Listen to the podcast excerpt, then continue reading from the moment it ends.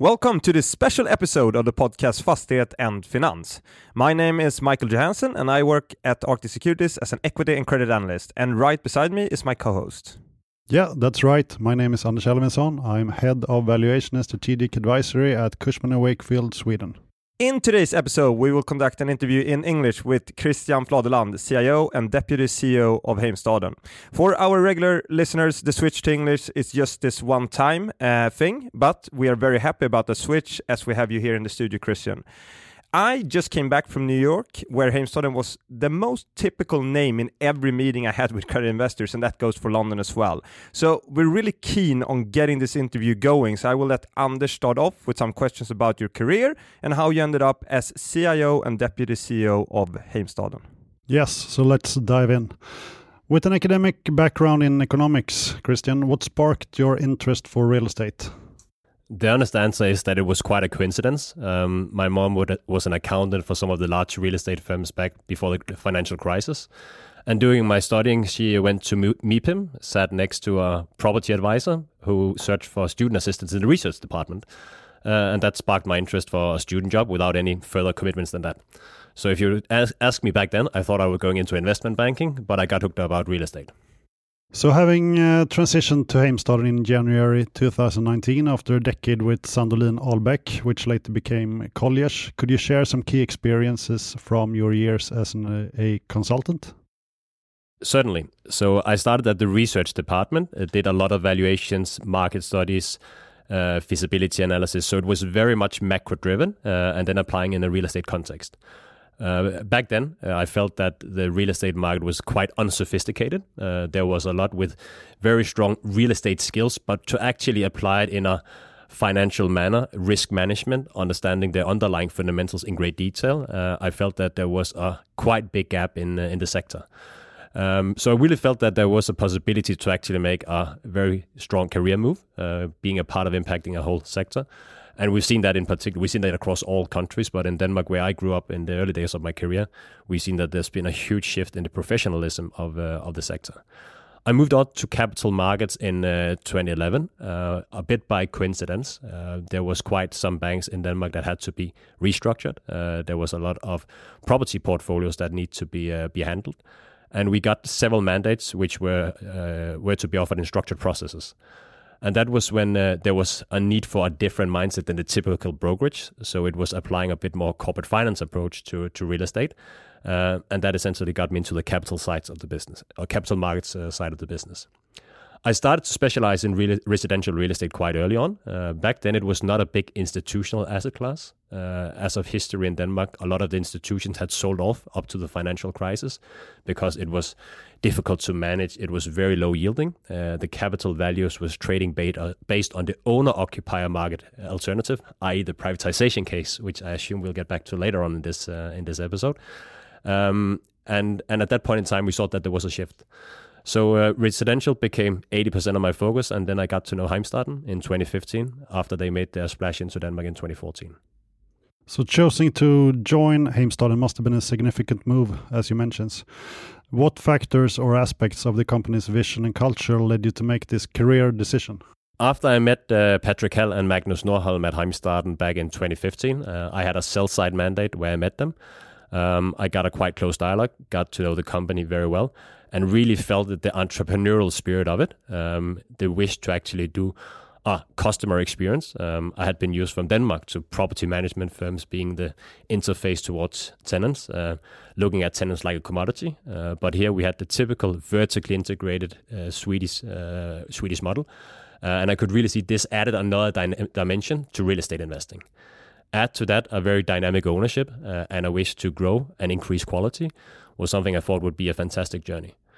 So when I was tasked in 2018 to actually explore how could a pan-European growth look like, uh, this was a, a, consultant, started to do market studies on other markets. Um, I really got intrigued by the vision of the company, and uh, when I got offered to join, I I thought this was a chance I couldn't resist.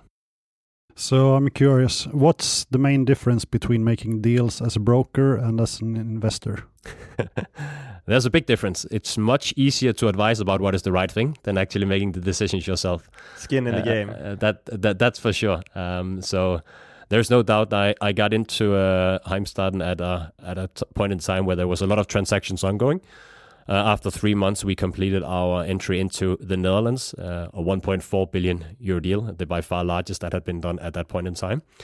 Uh, and and I must say, uh, having that as the first transaction, that was uh, uh, that was a bit that was a bit extreme.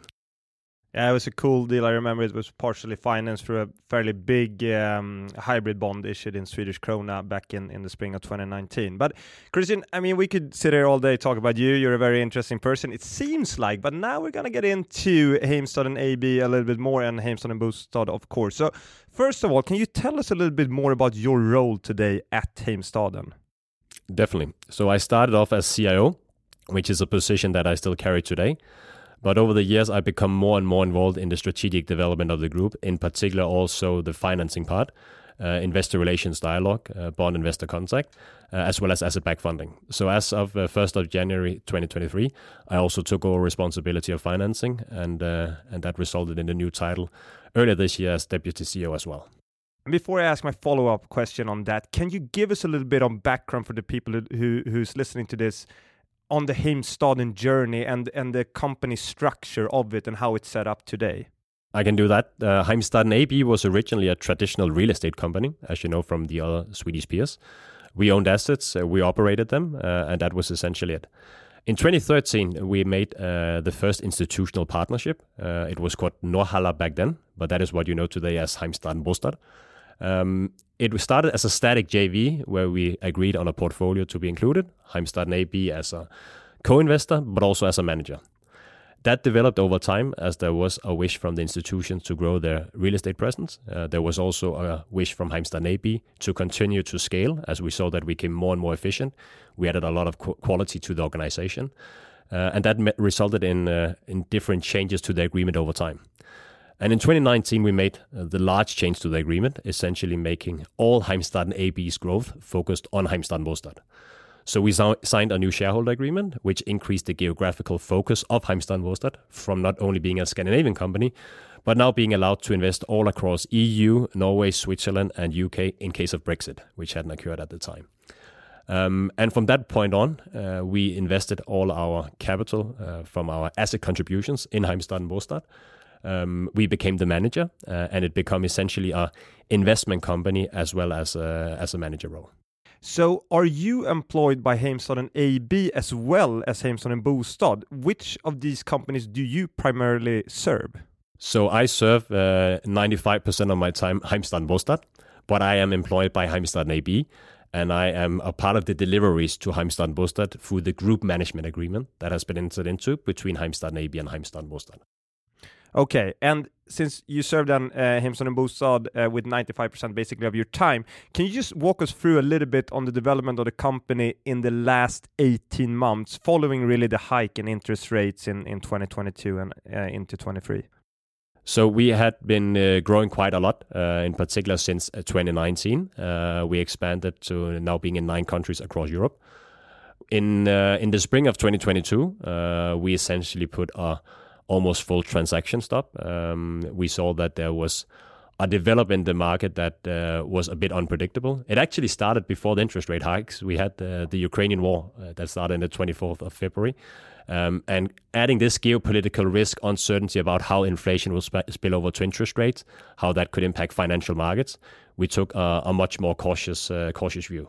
So if you look back, uh, we've only done one larger transaction, and that was more of a new equity coming in, and that was the Allianz transaction in, in Germany, where they reinvested the proceeds in, in the Eagle JV here in Sweden. But other than that, we have essentially taken a very cautious approach and, and, and stopped all investments. So, as research for this uh, episode, Christian, I listened to a podcast where you were interviewed, and Heimstaden was named a Swedish company, and you didn't object. Uh, you have two major Swedish owners. Uh, you have Ivar Tollefsen, who's a Norwegian, and the major part of the management uh, is in uh, Denmark, right? So, is it a Danish company, a Norwegian company, a Swedish company, or a Nordic company? Uh, there is no doubt that it's a Swedish company, simply through the structure of it. Um, so our top companies, both Heimstaden Bostad AB, is a Swedish, a Swedish limited liability company. Heimstaden AB is a Swedish limited liability company. But for all practical purposes, we are a multinational company. Uh, we are spread across nine markets. A large part of the management team sits in Copenhagen and Oslo as well. Um, we have 27% of our balance sheet in Swedish assets if we include the full consolidation of our Allianz JV. If we do it based on the equity proportion, we are down to 23%. So you should always be a bit careful uh, being a Dane distancing yourself from Sweden. But given the current financial circumstances, I actually do quite a lot to explain the diversification of our balance sheet and the fact that it's only a minority part of our assets that are Swedish, even though we are a Swedish legal entity. So a few weeks ago, you and Heimstaden Bostad's CEO Helge Krogsbøl co-authored a letter that was published by several industry publications in Sweden. In the letter, you addressed the criticism that Heimstaden Bostad had received, and it was also on your initiative uh, that you contacted us uh, and requested an interview for this podcast. Why do you believe it's important to publicly address the criticism directed at your company? So in general, we are very reluctant uh, to uh, go out and address uh, uh, address it in the way we did, and the reason for that is that we are very open that people have their own opinions about the company. Uh, but we also feel that we have a right to defend ourselves when we feel that there is such a lack of nuances around uh, the situation. Um, real estate evidently has a lot of headwinds in these in this period we've seen a transition in the whole interest rate environment. Uh, there has been a lot of uncertainty about capital values and where they're heading. So all that it's not something that we are ignorant to. We have great respect for that. But when you start to ignore the facts about liquidity position, access to financing, uh, maturity profile, um, the underlying asset quality, uh, which I also think is very important these days, uh, we felt that there was a need at least to go out and put some nuances to it.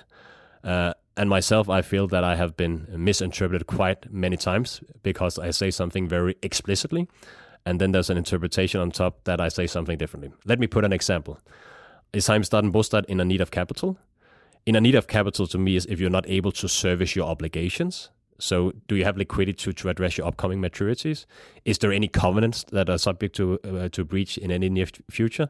And the clear answer for that is no is there a risk that you will not comply with your BBB flat rating threshold, uh, a BBB flat rating, which we obtained in December 2020 after being a BBB minus rating? That's a different aspect. That's something that we want to defend because we believe it's the right thing for the company and the shareholders. But uh, but that has been interpreted as there is a need for capital and there's a distress situation.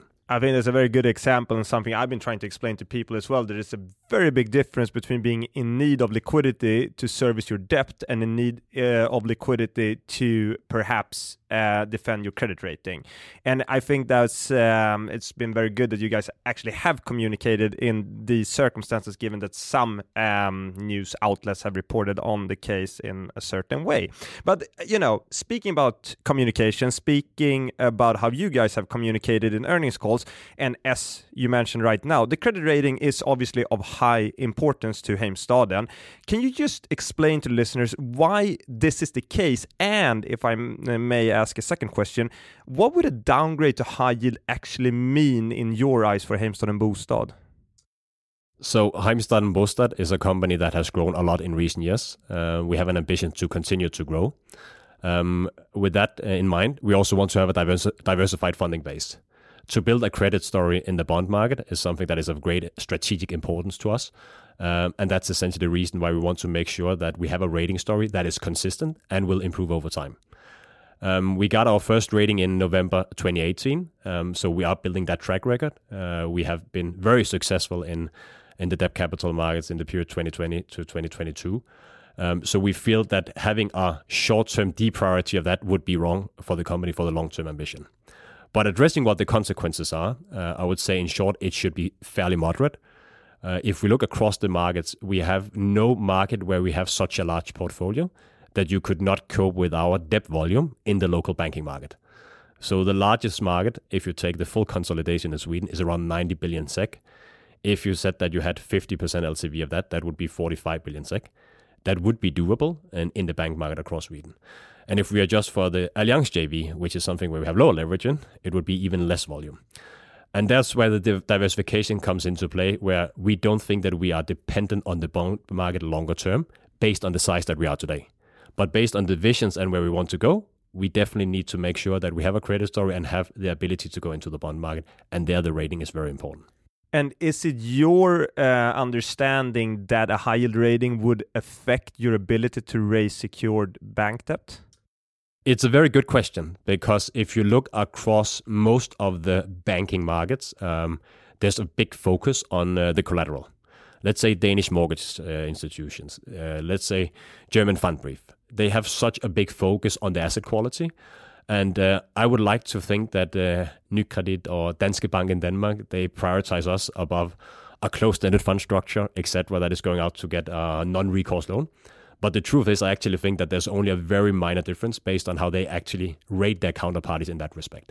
This differs across markets, and there I would say Sweden is probably a bit different. Even though they get the security and the collateral within, they are also very focused on the counterparty per se.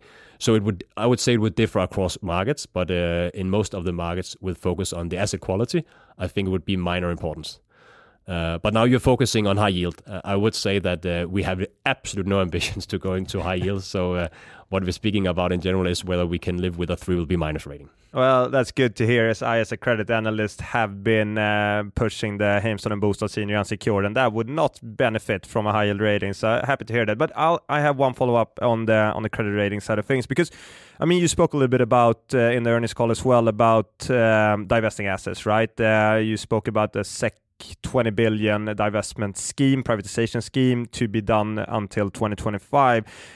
Just can you comment a little bit about that, and you know, in which market do you think most of these divestments will be made? And I think the the most common question I've got from investors is, is this possible to do until 2025? You know, how how fast can Heimstaden and Bostad actually sell assets to the private market?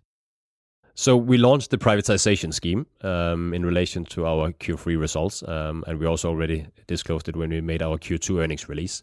So the gross potential we see right now is 25,000 units, around 80 billion SEK, whereof we assume to uh, be able to divest around 20 billion SEK by the end of 2025. So it's first and foremost dependent that we get the tenant churn. So tenants need to move out, and where we can sell it in a vacant position, in order for this to materialize we need the ownership housing market to maintain its strength pricing wise. But let's say that the ownership housing market decreased by 10%. Then it would be 18 billion instead of 20 billion. It would still be at significant premiums to uh, to the book values. And we haven't seen even after the financial crisis that across the markets where we are intending to do the privatization, that the ownership housing market is completely died. So the execution of this is depending on churn, where we have a very good uh, historical evidence on the data for that. So I would say that there's a very low risk to the execution uh, of this uh, of this business plan. And which markets do you think is most? Uh... Uh, the Netherlands and Denmark is definitely where we assume to see the most of this volume, uh, but Germany and Norway as well. So Heimstaden Bostad made a record-breaking investment when it acquired a property portfolio from Akelius for nearly 100 billion SEK at a net initial yield of close to 2%. The purchase price was 22% uh, higher than Akelius valuations from a few months back before the deal. Uh, it was announced in late uh, 2021. Uh, and my question as a valuer, and as someone who is interested in how things work uh, within the companies that uh, does this kind of portfolio deals, was the aggregated sum of the property's book values the same as the amount for which you acquired the property portfolio once it was in your books? So um, it's a complex question, but um, first and foremost, we did an acquisition uh, at a price point around 91 billion SEK. Um, and then we had some transfer tax and transaction cost on top of it. We had uh, two external valuations uh, documenting the price point, which was around that level. Um, so transaction cost, etc., was uh, uh, was not covered by it. So it was approximately market value, uh, but there was a slight premium, as we also communicated uh, back then. Um, I don't want to comment on how they valued it in their own books. I felt it was quite conservatively valued. they don't do external valuations and if you go back and look at a larger transaction that was done also by Akelius back in 2019 to Deutsche Wohnen, they essentially announced the same kind of premium to book value. So um, I don't want to look that much at what book value they had. I think that didn't reflect the market at the time, and I felt we bought it uh, uh, at, at market value. It was a strategic portfolio. It's a portfolio that you would never seen come to market in a market like the one that you are today. Uh, we felt that there was a great strategic match. There's a lot of potential. Believe it or not, we would never buy a portfolio to get 2% yield. That's not something that we're interested in. So, of course, when we buy at 2%, it's because we see a significant rent reversion and development potential that can be exploited over time, which gets us to a total return over the holding period that we are satisfied with and a stabilized return that we find attractive from a risk adjusted basis. We took out uh, almost around 60 billion of financing at that point in time in the capital markets at very favorable terms. So if you look at the market value of those instruments today, leaving aside the spread expansion that we experienced, but just due to the base rates, I feel that we have de-risked that transaction significantly since then. Then I'm happy to be in, in this podcast in four years' time and see whether the residential market has recovered and whether this investment has also proven to be able to satisfy satisfactory returns when we are to refinance the debt that we took uh, took home at the time. No, I, do, I don't criticize the deal you made with Akelius. Uh, everyone was thinking that uh, it would be uh, low uh, interest rates forever at that time. But do you agree that there was a portfolio premium paid for that portfolio at that time? And what do you think about portfolio premiums right now for similar portfolios? I don't think that there was any material portfolio premium at the time. Um, if there was any, it was a couple of percent, uh, not more than that. I also think it's important to look at what uh, what financial market environment that you have back then and which you have today. We are very focused on our ability to grow NOI with inflation and have inflation protection, both in terms of the supply demand dynamics of the locations where we acquire in, and based on the affordability profile. So when you're in an environment has one and a half percent inflation and zero percent interest rates and three percent yields, you have a very significant positive carry from the investment itself from an income return perspective. But when you are in an environment today where you have higher nominal rates, but also higher growth rate or higher inflation that has pulled that up, that's not necessarily bad for property investments. Uh, I made this reference before, and, and many might think it's ridiculous, but you don't buy an Amazon stock to get a 2% yield, which the PE of 50 might reflect. It reflects the growth that is expected of that of 15 to 20% per annum.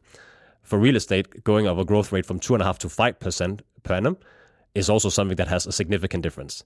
I'm not saying it will be 5% per annum in indefinite, but there is definitely a change in the dynamics of the total return composition. And that's where we see today it's real estate investors that need to act. It's not the financial investors who were buying real estate as fixed income substitutes in the previous interest rate environment. That's that's very interesting, but it's so, a little bit the same with uh, everyone um, is questioning the valuation of Sagax on the stock exchange. They're valued with uh, basically 100% premium to the net asset value. It's not that I think the equity market says it's worth you know 100% over um, the the net asset value. It's more a question of Sagax's ability to grow earnings per share, which they have been very successful at historically, and I guess that's what you're pricing in. But then the million dollar question becomes, Christian, to you, and how many years down the road do we have to look for the Akelius deal to be good from a total return perspective, you think? So I would say right now, if we look at it, um, yes, we have taken markdown of the Akelius portfolio, but it has not been much more than the average portfolio that we see across. Um, there has also been quite uh, significant FX impact, so it's a bit difficult to digest from our SEK accounts because the SEK has depreciated such significantly. But if you say that we acquired at around 2.2% net initial yield, it's valued now at around 2.7%. Uh, and it's not like the valuation have gone down by plus 20%, which would be the like-for-like basis. Uh, there has been significant NOI growth. The business plan is, is performing fantastic. We invest in tenancy improvements upon tenant churn in, across the markets with very significant returns. So I think the big uh, the big question here is, of course, where is interest rate going to stabilize in two, three, or four years from now, and what inflationary environment will there be in order to support the long term rental growth? We've underwritten this at stabilized yield of around three and a half percent. Those three and a half percent has increased since then because the rental growth have been higher than we assumed.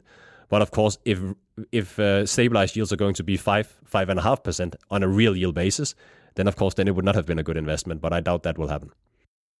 Okay, so my last and final question on book values and valuation, since I'm the head of valuation and strategic advisory at Cushman Wakefield in Sweden.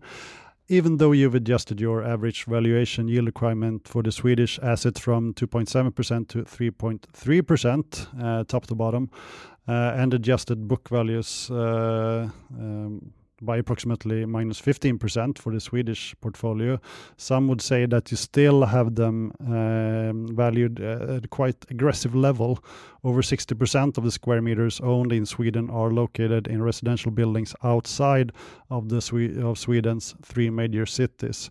So compared to peers in the sector, I must mention John Mattson, who had its valuation yield at 3.2% in the third quarter, and uh, they only have residential assets in Stockholm. Uh, Willhem is another peer uh, with somewhat similar portfolio, who had its valuation yield at 3.6% in the second quarters.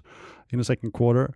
Any comments to the claims made that the property values in your books are still a bit too high, at least for the Swedish assets? I think we have a portfolio that is very difficult to evaluate just based on a direct valuation yield basis, as that's simply because it reflects the individual assets and the potential that are in them. So if we take newly built, which is the most simple one to value in in in Sweden, uh, we're having uh, four and a quarter to four and a half percent yields on that, but it only blends in with less than ten percent due to the type of the portfolio that we have. So even though that we have uh, a lot of exposure outside the three largest cities, uh, I would claim that if you go to Jönköping, Linköping, etc., and you do the old stock with rents around 1,000 SEK per square meter in central location at cap values of 20, 25,000 per square meter, you need to evaluate what do you believe that the utility value is after refurbishment, what does it cost to get there, how long time does it take, and then do a cash flow modeling in order to, uh, to, to determine what is the current yield. There is no doubt that the stabilized yield at full reversion and the total return required is higher than 3.3% plus 2%. But if you factor in the rent reversion to be exploited over time, I would say that our Swedish portfolio would reflect a stabilized yield of, of 4% uh, over time. How much do you think the privatization scheme is reflected in your values across? If we look in Europe, you spoke about you know the potential to sell to the private market and hopefully doing that above book values. You know, some people are talking, or a lot of people are talking, just as you said about the yield. But what's you know how much is that actually factored in the potential to um, transfer, transform it and sell it to the private market? That varies a lot from uh, market to market and uh, and the dynamics there. Um, now we have a head of valuations in the room, and he knows that uh, the market value definition is the highest and best use. Um, so in the markets where you have traditional condominiums market, uh, a valuer should essentially make what is a privatization cash flow look like, what is the total return requirement, and then evaluate that as the highest valuation if there is a privatization upside, essentially reflecting it in full. Um, that being said, um, valuers uh, at Cushman, at CBRE, etc., is not necessarily experts in determining the micro location ownership housing values. So we can see, as we have documented the first sales in uh, in Denmark, for example, there has been quite significant uplifts to our book value in some of these assets because now they can actually see that the valuation that they had assumed at 50,000 DKK is suddenly 55, documented by three transactions in the same building within two months. So I would say it's fairly accurately reflected, but there is, of course, uh, something that is uh, subject to assessment. So what you're basically saying is that we need to send Anders from the center of Stockholm to micro locations in small Swedish cities. I think that uh, most professional landlords they would not benefit from the marginal certainty of that and the cost associated with it. So it's not because I don't have sympathy for the high level assumptions, but I think there could be some adjustments. Uh, but in general, I think it's uh, it's more of a conservative approach that have been used. So I, I assume that we'll be positively surprised. Yeah, Fair enough. Um, I'm gonna be a little bit of a credit analyst for a while here and uh, ask some nitty gritty questions, I guess, on Heimstaden Bostad and Heimstaden AB. But we'll start a little bit with Heimstaden Bostad. You know, everyone is discussing a potential equity issue in the company. Is this necessary to keep the credit rating unchanged? I think that there is definitely a likelihood that uh, the three B rating could be uh, could be challenged. We feel we have a very clear plan how we can uphold the threshold in order to maintain uh, the three B flat threshold. It will be our ambition no matter what happens on the rating side. Uh, but given that it is dependent on materializing the privatization plan, which we feel is well documented and where we have a ramp up that is evident, there is of course a risk that S&P would take a cautious approach and say there is a execution risk related to that. We'll haircut some of the assumptions and thereby we cannot get comfortable with the thresholds being maintained on a sustainable basis, and that is in particular the ICR. So we believe we deserve to maintain the BBB flat rating, but it's not that I can sit here and guarantee that uh, that that would also be the assessment. Uh, that makes uh, sense, but most likely, I guess, as you say, it will um, some equity will be needed just to support the ICR, basically. Um, the ICR in relation to the triple B flat rating can be supported uh, either by deleveraging, uh, that will be the direct impact, and then we have the privatizations, uh, where we also is making significant profits to book value, and there it is up to the rating institute to assess how they would include that in the EBITDA. We have only a very few comparables slash peers across Europe, Grainger and Vonovia, and and it's an assessment by uh, by S&P on how they would include that uh, that profit. But this is actually very interesting because I spoke to another uh, Nordic rated company that was rated uh, triple B flat, and they said that they obviously knew the threshold on ICR to get downgraded to triple B minus, but the rating institute hadn't communicated what threshold they would set from a investment grade rating to high yield, so triple B minus to uh, B plus. Have have S&P indicated to you guys what that would be set at? Nope, that's also completely open uh, at our end.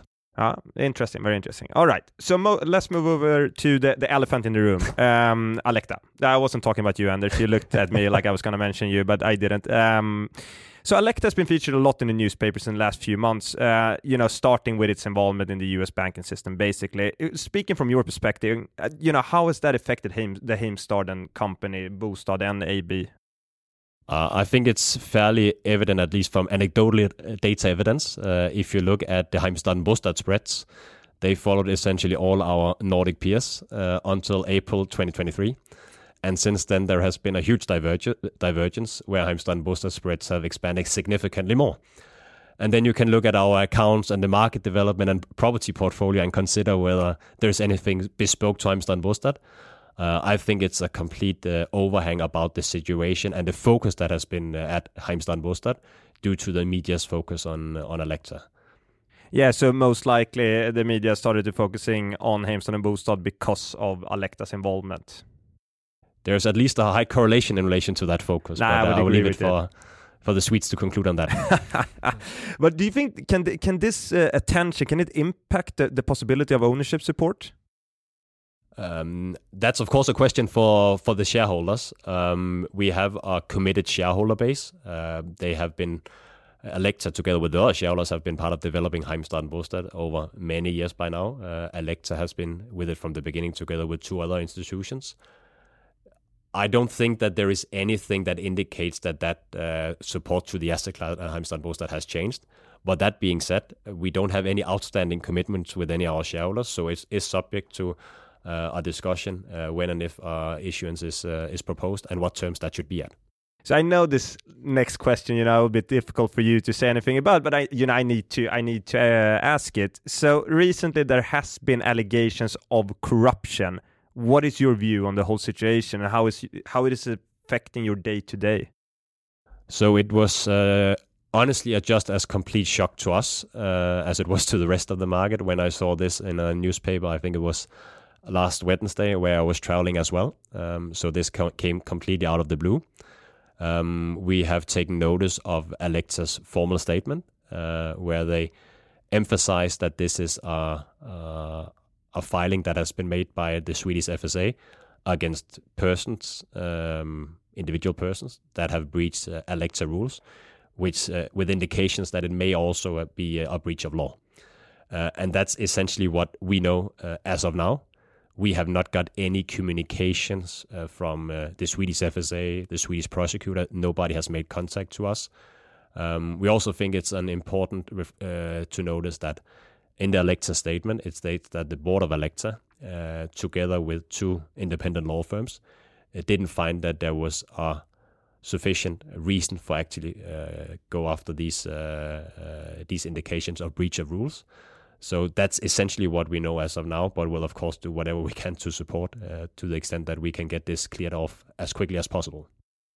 Perfect. Thank you very much. Um, and a final question on ownership support. You know, a number of the equity issues being done within Swedish real estate right now. There's been quite a lot uh, recently, uh, and I'm talking about the listed space mainly. They are completed at quite substantial discounts to reported net asset value uh, because that's where the equity market is at the moment. So my question is then, does an equity issue first of all have to be done in line with net asset value in Heimstaden and Bostad? And if we step you know, further down the road, at what level do you think it would be reasonable, given the pricing of peers, to actually do an equity issue in Heimstaden Bostad today?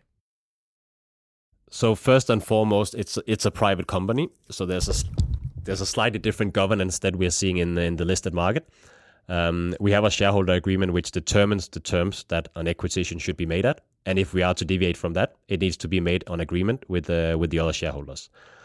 I think at which terms uh, it could be done at, it very much depends on what is the value of the equity to the company.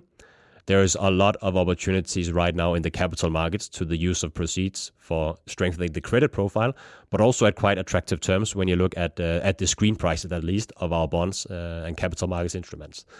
So I don't want to speculate at what level that the shareholders would find it beneficial to uh, to do an equity issuance. It would depend on uh, on what uh, what the use of proceeds would uh, would be. But from where you're sitting, would it be interesting for you to get an equ equity uh, into the company to use to buy back bonds at discounted levels? Uh, definitely, I think that there's a great great opportunity and uh, I know that it, it might not be a, a, good joke, but it would be good to get something out of all the negative press. So, uh, so to actually utilize that situation would be great. Yeah. Well, we have to joke a little bit, right? Exactly. We will get the the results from SBB's tender offer tonight, most likely. So that will be quite interesting as they are doing something similar. Uh, you mentioned uh, Apollo, and uh, Apollo has done two major deals with uh, Vonovia year to date. Uh, and you haven't made any major divestments to companies like Apollo. Instead, you're focusing on uh, privatization of uh, residential apartments. But do you have similar discussions with companies like Apollo about major deals? So we have been out stating that we haven't uh, gone to market with any larger portfolio transactions because we don't think that there is a well-functioning transaction market for larger portfolio deals.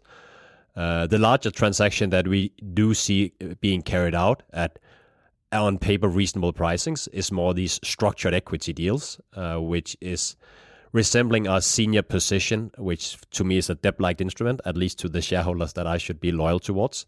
And there I look at the alternative cost of that capital versus uh, versus versus debt. Um, of course, you might be able to structure these transactions in a way that is rating accretive, but there's a risk that the rating institutes will start to evaluate these differently. And to the extent that it's a unlevered vehicle on assets that we believe can easily be financed in the banking market and we have access at much more attractive terms, I feel it's it's too dilutive to the shareholders for me to advise on that for on this at this stage. Okay, but what uh, SBB did with uh, Morgan Stanley, uh, I guess it was preference shares, right? Is that something that would be interesting to you? Uh, I don't want to comment on detail on that transaction, but to my understanding, it's quite similar to uh, to the Apollo transactions in the with Vonovia. Uh, maybe a different cost of capital, but it's still uh, an unlevered portfolio uh, at a cost of capital that is not competitive to uh, to the cost of debt that we see accessible based on on our assets. So, how much secured bank debt is it likely that the company manages to raise in the next few years? Uh, that's a good question. Uh, I can put it in the way that we definitely believe that we continue to have access uh, to it. So right now we have maturities covered until the summer of 2025. Uh, I believe that we can also cover uh, 25 uh, in full and 2026 based on asset-backed funding. So cover bonds. cover our bond maturities via secured financing.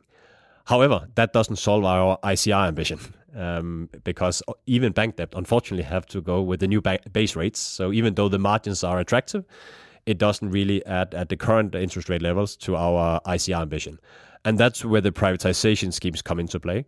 Our ambition is that the cash that we free up from there will be sufficient for carrying our bond maturities from the second half of 2025 uh, and onwards.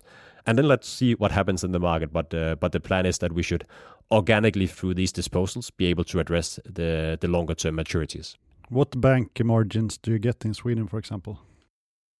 Uh, Sweden is definitely one of the markets that has increased the most. Now we've actually not taken out that much debt in Sweden, simply because we already had our uh, our portfolio fully financed. But today I would say it's probably around 175 to 200 basis points, and uh, if we were to do a new financing.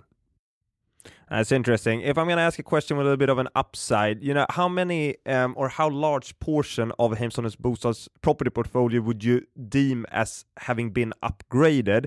And do you see potential actually for capex spending in the next few years to increase income, or is all eyes in Heimstaden Bostad on deleveraging? So you can say we've definitely increased our yield requirements for all call it organic investments. So the tenancy improvements where we are upgrading in order to have higher rents upon reletting, uh, making attic apartments and other value add capex. We've increased the, the yield threshold.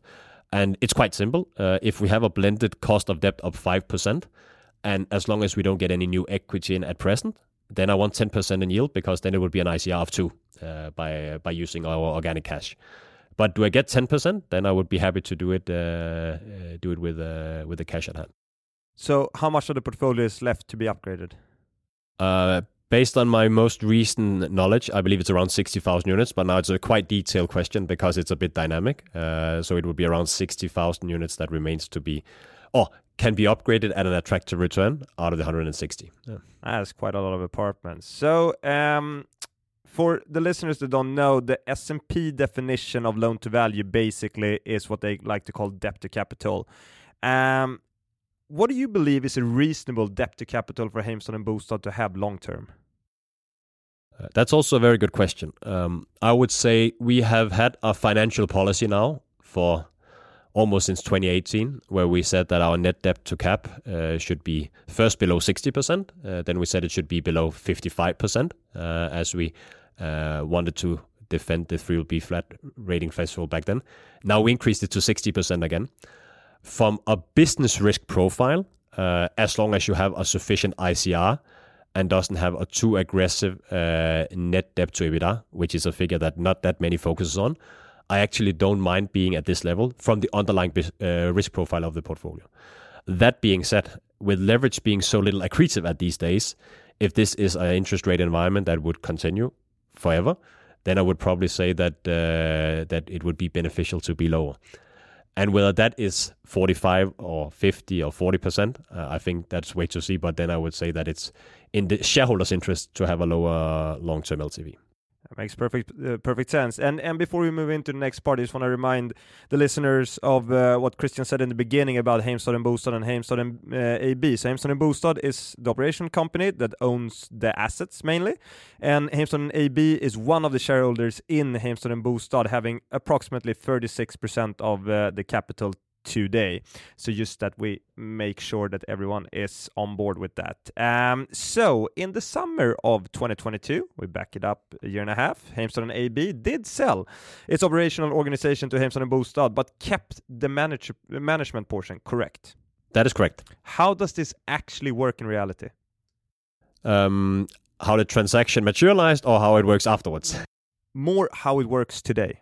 So there was we essentially had uh, the management split in two, what we call country management and what we call group management. Country management is what you in in Swedish would call förvaltning uh, of the real estate, and uh, and the group management is essentially what you would see from a traditional uh, investment manager services, so investment and asset management service agreement. Um, we had had discussions with uh, the institutions uh, previously, in particular as we were growing whether it would make sense to insource uh, the country management, i.e., the day to day operations, in order to crystallize the VAT benefits of having everything uh, within the same. It differs across markets, but in Germany, for example, um, in Denmark, it was not uh, possible to utilize the VAT uh, benefits of insourcing unless you had it 100% owned by the entity. So that was one financial argument for it. It was also to ensure that in case that Heimstaden AB in some at some point we, we were to exit Heimstaden Bostad, we also wanted to make sure that it was a vertically integrated platform, so there was not a disalignment between Heimstaden AB, who owned the infrastructure, which become more and more valuable the larger the platform is, and the institutional owners. So that was the argument.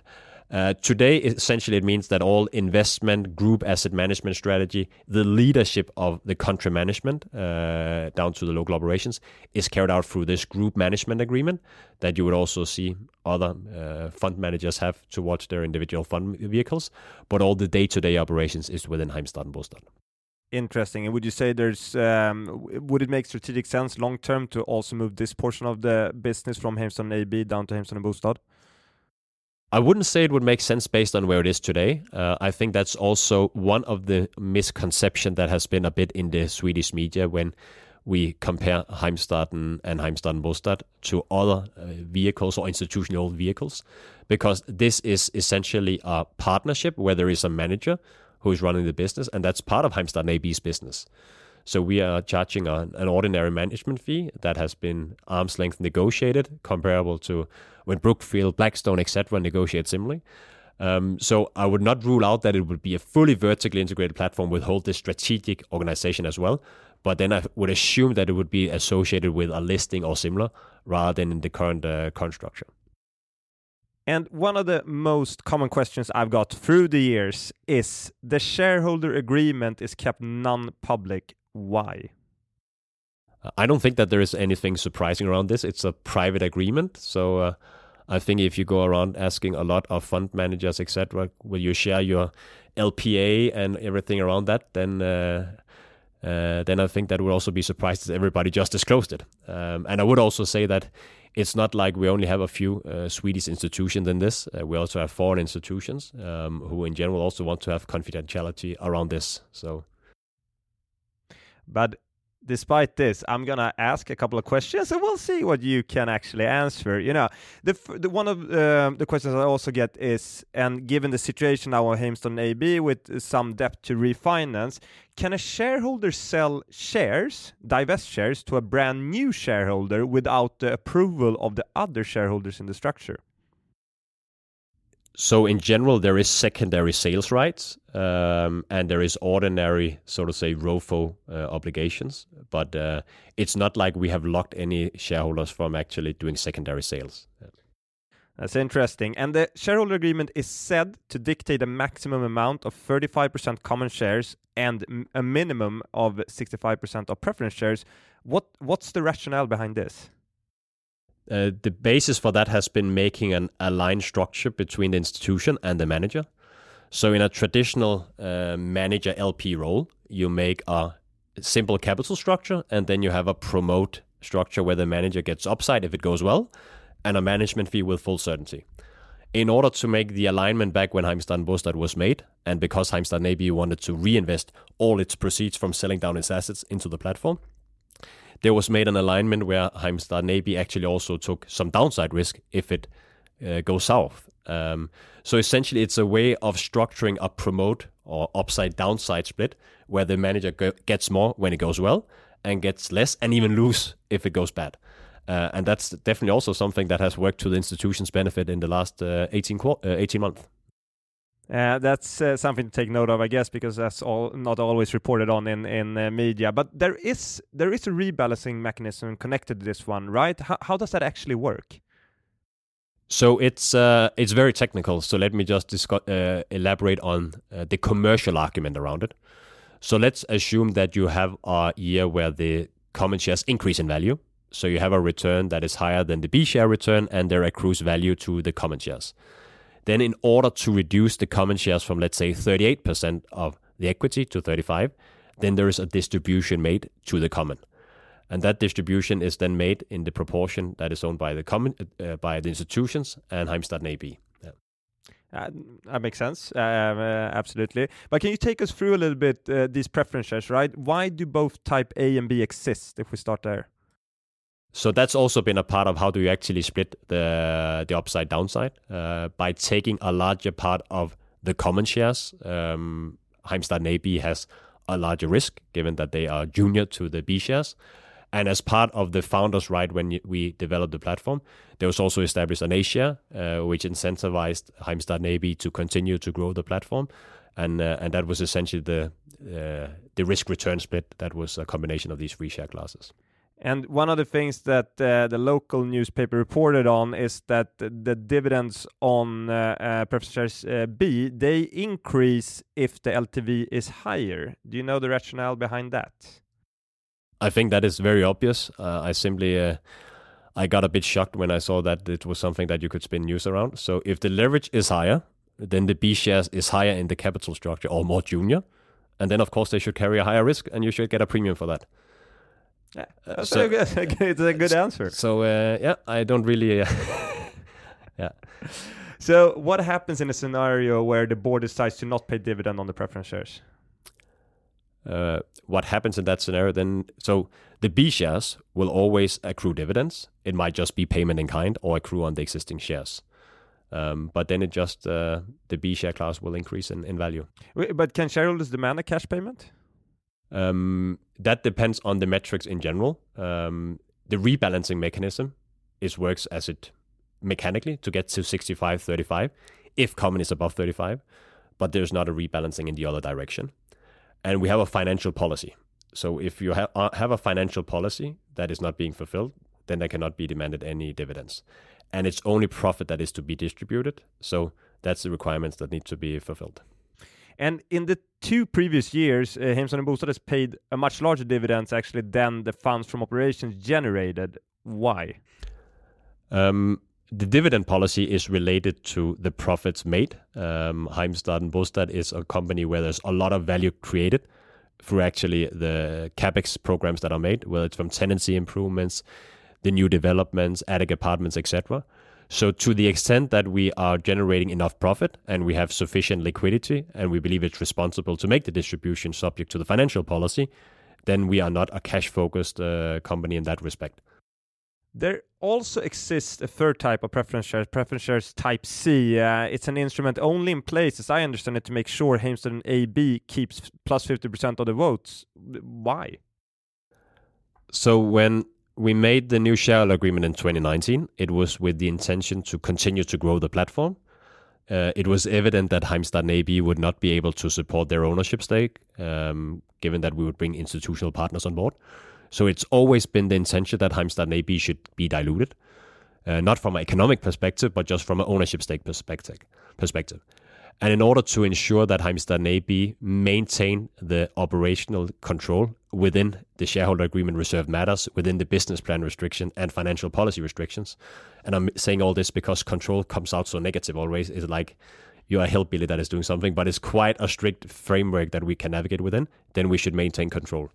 So as we are getting diluted ownership-wise, uh, new C shares are issued in order for us to maintain the majority of the votes. So I've been trying to explain this to investors as well, so I'll just get you to confirm this. It is correct that this fact then, that uh, Heimstaden AB has plus 50% of the votes, it's relatively irrelevant on a wide company level as the shareholder agreement dictates any major decisions.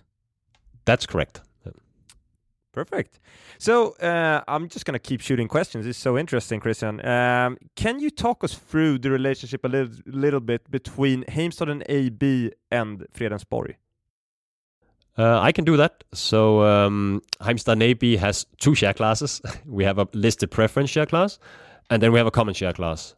All the common shares are owned by Fredensborg AS. So that's uh, essentially the relation. But there's a lot of rumors going around regarding the divestment of the Icelandic portfolio, which, for those who doesn't know, Heimstaden AB sold a, a portfolio of um, assets um, located on Iceland to its owner, uh, Fredensborg. Uh, can you just comment on the decision to sell to the owners? So we made a decision back in uh, May this year that we wanted to wind down our Icelandic operations we saw that there was a very attractive owner occupier market, so we could crystallize it at very attractive price points compared to forward looking returns. And we also felt that Heimstaden AB would benefit a lot from freeing up this liquidity, both from a liability management purpose, but also being more opportunistic in taking some of, let's say, the 2025 bonds uh, out in the market. So we initiated that in uh, May uh, 2023. Uh, we have we have sold around uh, you probably know the figures better than I. I should know it, but I think it was around 16% of the GAV as of Q3 uh, 23. And then we announced the transaction to uh, to Fredensborg. And uh, the reason why we did that was to make a solution where they would get more liquidity into Heimstaden AB quicker in order to address liability management more opportunistically. So not only focusing on the January 24 maturity, but also doing something more opportunistically looking into into 2025. Then um, we also had an approach which is uh, where it, at least from the outside, there's been a lot of confusion uh, because we also had a buyer who wanted to buy the whole uh, uh whole portfolio, but that was a buyer who only materialized quite late in the process where we were considering the transaction with Fredensborg. So we structured the transaction to make sure Heimstaden AB get all the benefits from the sale to this external buyer if it materializes, and that's been structured through this uh, earnout mechanism. And then there is a separate earnout mechanism if Fredensborg is actually carrying out the divestment over the next three years in order to make sure that Heimstaden AB get uh, the best gross proceeds as we believe in as possible, uh, and doing it in a balanced manner with uh, with the majority owner. I think the last part is very uh, important for people who listens to this because there has been a lot of discussion why uh, AB decided to sell to Fredensborg instead uh, to the third party if there is a third party buyer interested in this. I think that's very good that you clarify. And another thing that I want to give you the opportunity in this podcast to comment is the fact that a fairly large dividend payment was made from Heimstaden AB to Fredensborg in the spring of 2023. Can you just comment on that decision? Yeah, um, I can do that. So we, if you go back to 2022, um, there has been a quite significant deleveraging at Heimstaden AB level. So first and foremost, we uh, got our ordinary dividend from Heimstaden Bostad. We did a sale of the country management organization uh, for almost 3 billion SEK. We had the dividend payment that we got here in 2023. We sold shares for 1.15 billion. Uh, and we haven't taken any dividends out to Fredensborg for several years. I don't even recall when last time. I even think it's before my time.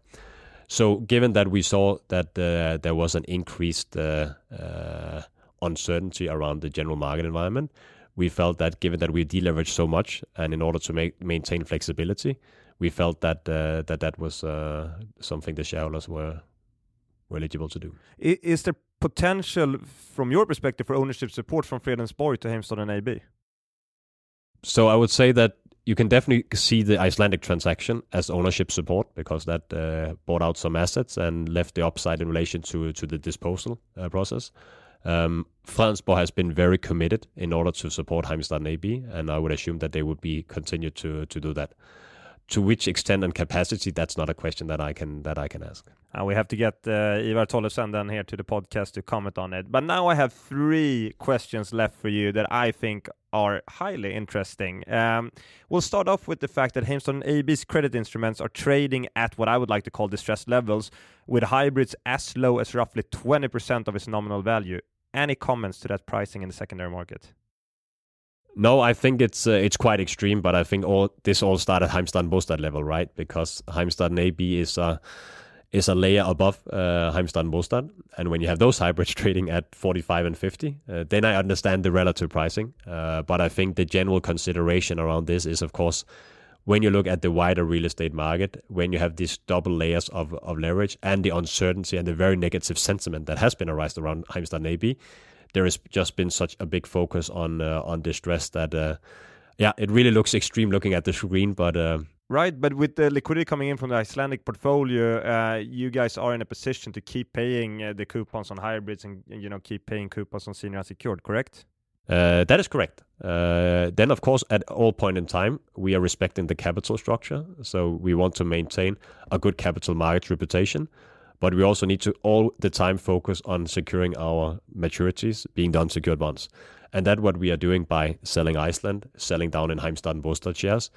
Uh, and if there is anything that should be flexible, then it's the hybrids. But that's just the the seniority of the cap table. Yeah, makes sense. And Heimstaden AB has approximately uh, 20 billion second debt, uh, including hybrids. How do you see this being refinanced?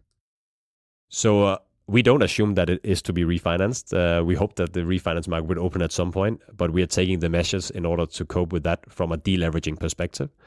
Um, of course, some of it was running out together with the, the Icelandic transaction because there was also some secured debt.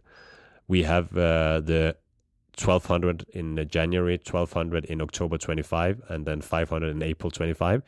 So that is uh, in combination 2,900 million SEK. We bought back most of the uh, January 24 and also buying back in, in the other ones through the tender most recently. So it all comes down to the 26 and 27. And then, of course, the hybrids is something that you look at opportunistically in this market. Uh, and I definitely believe that uh, the deleveraging by selling down in Heimstaden Bostad is the most obvious way. And then we, of course, also aim to create distribution capacity in Heimstaden and Bostad well, that will materialize in 25 or 26. Um, who knows? Uh, that's, of course, also a, a, very important factor. would you say that the hybrids are they viewed as perpetual instruments within um, AB, or is the plan to call these instruments? I think that it's uh, you can you can take this across all hybrids in real estate these days. Um, to call an hybrid at par based on the terms that they are issued at as a perpetual instrument would be to essentially not respect the seniority of the of the cap table. We saw that with Unibail Rodamco as well. So I definitely see that uh, that we have an ambitions to solve hybrids, uh, but whether you will do it at par would depend on the terms of the capital markets at that point in time, or whether you will make an an offer exchange or, or how you want to solve it. Um, it might be that they will be called at par, but looking at how other hybrid issuers who are luckily having to make these decisions before us, uh, I think a lot of them are actually making quite rational considerations around this. Very interesting. That was uh, all the questions I had prepared, at least. Anders, I'm looking at you. Do you want to add something? No, I'm good. That's all good. Well, Christian, thank you so much for taking the time. It really was a pleasure. You said four years. We would like to have you back in a year or two year, and we can see, you know, what has happened in Heimstaden until or during that time, and we'll, you know, um, see how this all evolves. I guess. Yeah, I think the sentiment for investments in uh, residential assets in a year or so will be much better than it is right now. Thank you for having me. Thank you very much. Thank you. Today's podcast episode is sponsored by Ridge Capital. In the studio today, I'm happy to welcome Christopher Malmström, co founder and portfolio manager of Ridge Capital. Ridge Capital's main strategy was established about a year ago on the Nordic high yield market. Christopher, why did you and your co founder decide to launch Ridge Capital? We think that high yield as an asset class is very attractive. 8 to 10% yield gives you high quality bonds, and we believe that is interesting relative to other asset classes. Higher interest rates and spreads in the Nordics both play to our advantage, meaning that we get better paid for the risk that we take on. Why the focus on the Nordics? Investors typically search for high returns, low volatility, and low correlation to other asset classes, and Nordic high yield ticks these boxes. In many ways, it's an inefficient market, which makes it a great hunting ground for alpha. There are multiple ways to get an edge. There are already a lot of funds present in the market. Why is there a need for Ridge Capital? We distinguish ourselves through true active portfolio management.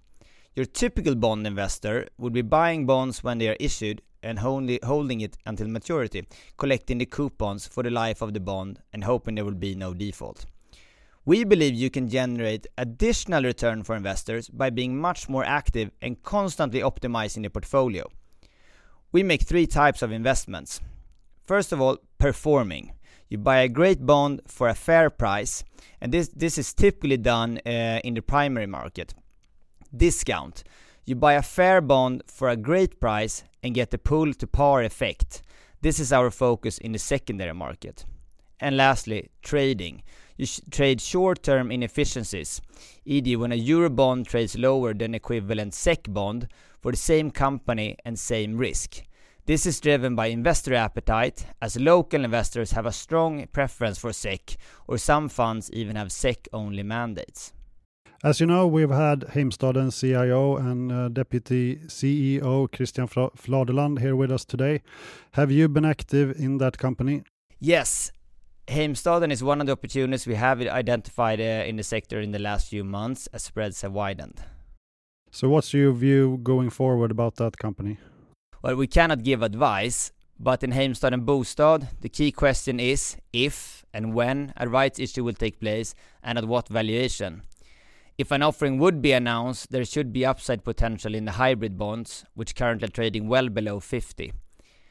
For Heimstaden AB, I think the unsecured bonds might be worth to look at. We estimate they will have sufficient funds to repay a majority of the senior bonds that mature until 2025, and those are still yielding north of 20%. If you look a bit longer to the bond with 2026 maturity, it ranked pari passu, but still yielding close to 50%. For repayment though, it is likely the company will need to sell shares in Heimstaden Bostad, so they should trade with a higher yield. We just believe the premium is too wide. Thank you, Christopher. If anyone would like to know more about Ridge Capital before they close their strategy for subscriptions, please visit the website www.ridgecapital.se.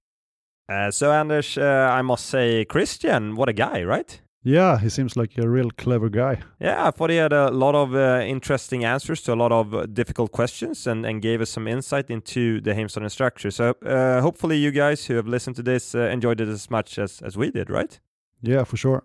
And I want to take this opportunity to thank uh, our employers. Uh, mine is Arctic Securities. And mine is Cushman Wakefield. We do this podcast in cooperation with our employers, of course. And then we also want to say a special thank you to our partners, uh, Affärsvärlden and Fastighetsvärlden. Uh, very important to us, so thank you very much for that. And as a final thing, I also want to say that we do normally mention a small disclaimer in this uh, podcast that nothing that has been said in this podcast should be interpreted as either a recommendation to buy or sell uh, any financial instruments in any company. And if you would like to reach out to us, you can do that via LinkedIn or our work email addresses which is for me anders.elvinson at cushwake.com. And mine is michael.johansson at arctic.com. So, with that, uh, thank you very much for listening. And to the Swedish listeners, next podcast episode will be back in our native language. Yeah, all the best. Bye.